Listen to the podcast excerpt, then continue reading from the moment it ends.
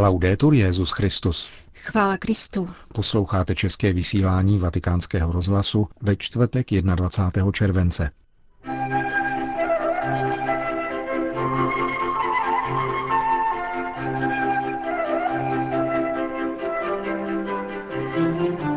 Obavy o vývoj v Turecku vyjádřil státní sekretář apoštolského stolce kardinál Pietro Parolin. V Pakistánu se konal první národní eucharistický kongres. Další pokračování četby eseje francouzského jezuity a psychoanalytika Tonio Anatrelli Mladí dnes, kdo jsou a co hledají. Dnešním pořadem provázejí Milan Glázer a Jana Gruberová.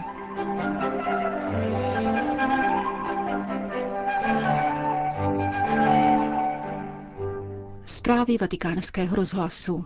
Vatikán. Sekretariát pro sdělovací prostředky uspořádal setkání na rozloučenou s arcibiskupem Klaudiem Čélim, předsedou Papežské rady pro sdělovací prostředky, který v těchto dnech končí svoji službu u římské kurie, protože dovršil kanonický věk 75 let. Zmíněná papežská rada také končí svoji existenci, a to v důsledku reformy vatikánských médií a vzniku nového vatikánského úřadu, tedy sekretariátu pro sdělovací prostředky, který byl ustanoven loni. Za dlouholetou službu poděkoval arcibiskupovi Čélimu státní sekretář a poštolského stolce kardinál Pietro Parolin. Vatikán. Státní sekretář apoštolského stolce vyjádřil obavy o Turecko a zároveň důvěru, že převáží moudrost a lidskost. Kardinál Parolin tak učinil na půdě sekretariátu pro sdělovací prostředky v odpovědi na otázku novinářů, kteří byli přítomni na včerejším rozloučení s arcibiskupem Čelim, odcházejícím ze služby v římské kůrii, a kteří využili přítomnosti státního sekretáře, aby zjistili, co soudí o posledním vývoji událostí v Turecku. Tento vývoj není dobrý a je zdrojem obav pro všechny. Ve světě roste napětí a napětí není dobrý předpoklad k tomu, jak se s problémy vyrovnat a jak je řešit. Toto je zdroj znepokojení pro všechny. Doufejme, že moudrost a lidskost převáží a pomůže lidem hledat a nalézt správná řešení. Řekl kardinál Pietro Parolin o situaci v Turecku. Jižní Súdán. Papež František vyslal do válkou zmítaného Jižního Sudánu svého zvláštního zástupce kardinála Petra Turksna. Jeho úkolem bylo setkat se s představiteli obou stran tamnějšího konfliktu a pokusit se zprostředkovat mezi nimi mír. Předseda papežské rady Justícia Ed Pax rovněž oznámil, že do hlavního města Džuba dorazí transport lékařské a potravinové pomoci, kterou zajistila papežská rada Cor Unum, tedy tzv. vatikánská charita. V Jižním Súdánu se před měsícem politická situace opět vyhrotila a došlo k ozbrojeným střetům, což vedlo k migraci desítek tisíc lidí do hlavního města. Teprve toto úterý bylo dohodnuto příměří, ale obyvatelstvo strádá velkým nedostatkem. Kardinál Terksen k tomu po svém návratu z Jižního Súdánu řekl. Přiletěl jsem do Džuby v neděli ráno, takže jsem stihnul mši v katedrále. Moje přítomnost byla všemi vnímána jako důležitý projev solidarity a balzám naděje. Setkal jsem se s prezidentem, kterému jsem předal poselství od papeže. Jeho zástupce, který je odpovědný za konflikt, však ve městě nebyl, odešel se svými stoupenci pryč. Navštívil jsem místa, kde se zdržují uprchlíci. Mnoho jich našlo útočiště v katolických školách a kostelech. Tamnější saleziáni a řeholní sestry dělají všechno, aby tisícům těchto lidí zajistili potraviny. Byli nuceni opustit domovy a žijí v obrovské bídě, kterou ještě zhoršují šířící se choroby malárie a cholery. V zemi je nyní poměrně klid, avšak stále existují obavy, že konflikt znovu propukne, jako tomu již bylo v minulosti. Když jsem se před odjezdem do Džuby ještě setkal s papežem, řekl mi, že by tam chtěl jet také. Tato těžká situace mu opravdu leží na srdci. Řekl kardinál Terksen po svém návratu ze zvláštní mise v Jižním Súdánu. Islamabad. V Pákistánu se skončil první národní eucharistický kongres. Pro katolické společenství, které v této zemi tvoří mizivou menšinu, to byla událost velkého významu, pokud se týče objevování vlastní totožnosti. Bylo to důležité vzhledem ke všeobecně panující atmosféře předsudků a diskriminací, v níž zdejší křesťané žijí, ale také vzhledem k rostoucímu počtu protestantských sekt, které učí, že nejdůležitější je modlitba a nikoli konkrétní příslušnost ke společenství víry vysvětluje otec Jusaf Amanat, farář kostela Matky Boží Fatimské, kde se dvoudenní eucharistický kongres konal. Z iniciativy pákistánských biskupů tak mohli zdejší katolíci poprvé společně prožít velký poklad Eucharistie a jejího společného slavení. V Islamábádě se závěrečné liturgie Eucharistického kongresu účastnilo půl druhého tisíce věřících, většinou mladých lidí. Součástí Ježíšovy rodiny se lze stát jedině přijímáním Eucharistie.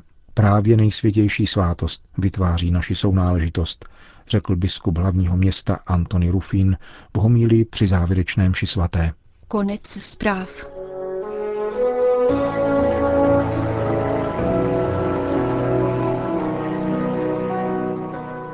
Mladí lidé, kdo jsou a co hledají. Esej francouzského jezuity otce Tonyho Anatrelli.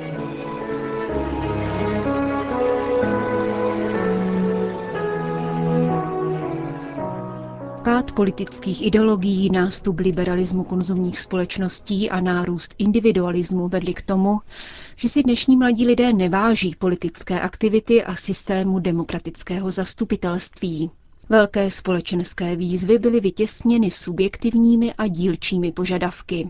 Na druhé straně je třeba poznamenat, že politická činnost ztrácí v očích mládeže kredit, pokud už není schopna sledovat všeobecné zájmy, tedy docenit manželství, rodinu složenou z jednoho muže, jedné ženy a jejich dětí, školu a výchovu, občanskou a morální formaci, sociální a profesionální začlenění nových generací, kvalitu životního prostředí, smysl pro spravedlnost a mír, což jsou pouze některé z projektů, jak probudit zájem mladých lidí o politickou angažovanost.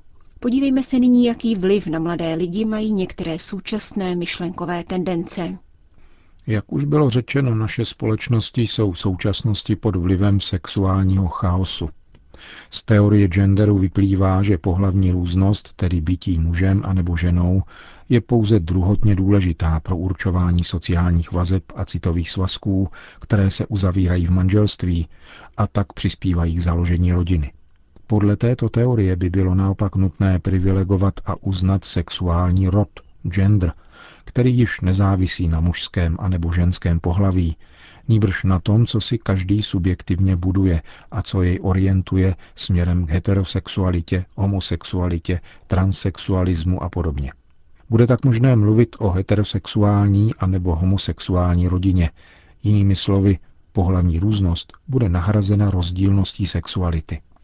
Komise pro otázky populace a rozvoje Organizace spojených národů a Evropský parlament mnohostranně šíří teorii genderu, aby státy zavázaly ke změně legislativy a k uznání, ku příkladu, homosexuálních svazků a prostřednictvím adopcí také k definici homorodičovství. Tato nová ideologie představuje skutečnou semantickou manipulaci, neboť aplikuje pojmy pár a rodičovství na homosexualitu, zatímco pár v sobě zahrnuje pohlavní asymetričnost a zakládá se výlučně na vztahu mezi mužem a ženou.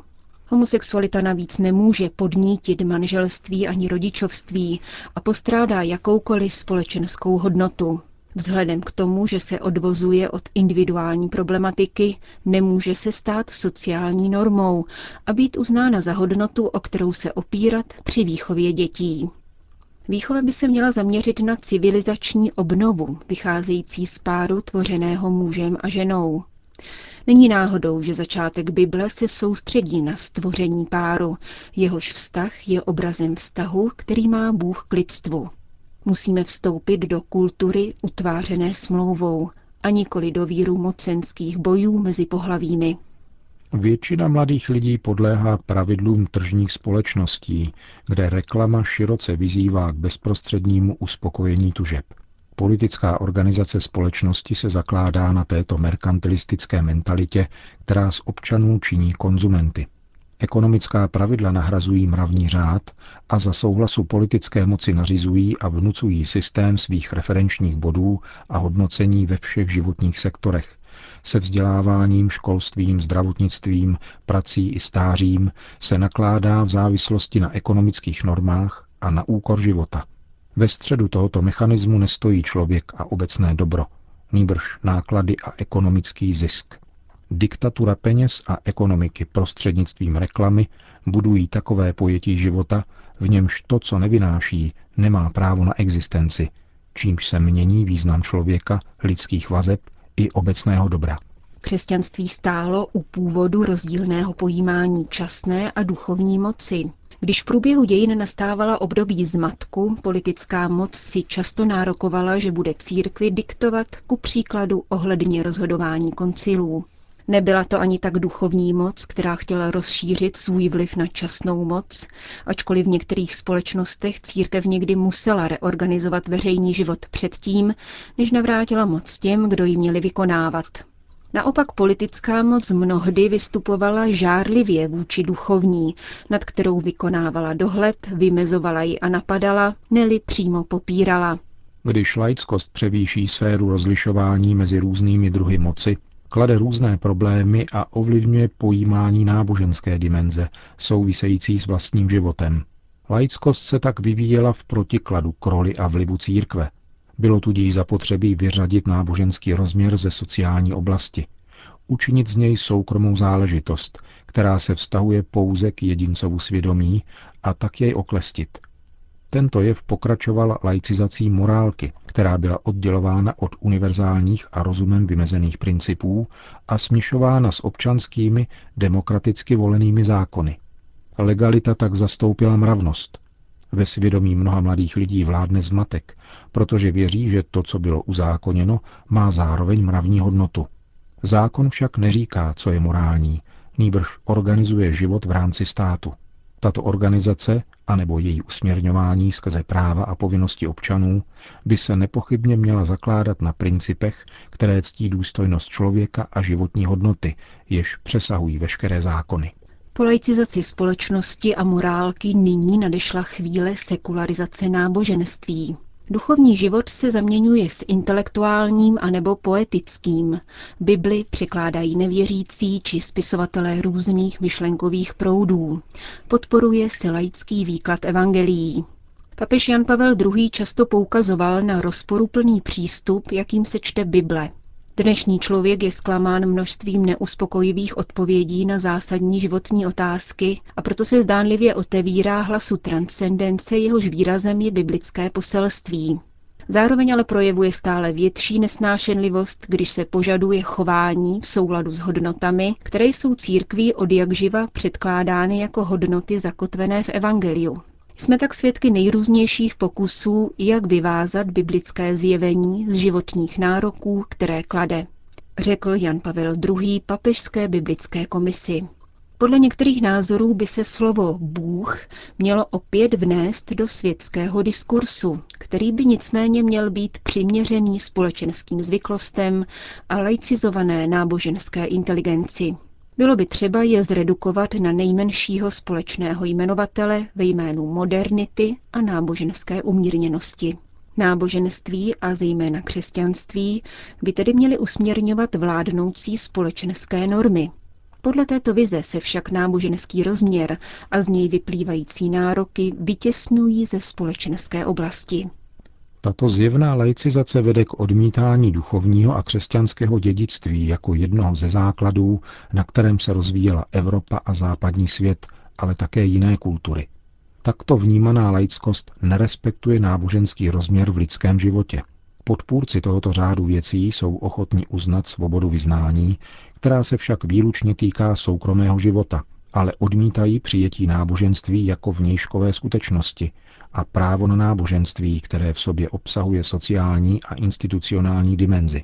Je naopak důležité, aby duchovní moc jako instituce mohla být zastoupena v Evropském koncertu států, a to ve službě obecného dobra a vyšších zájmů lidského svědomí. Nelze dopustit absenci Boha ve společnosti.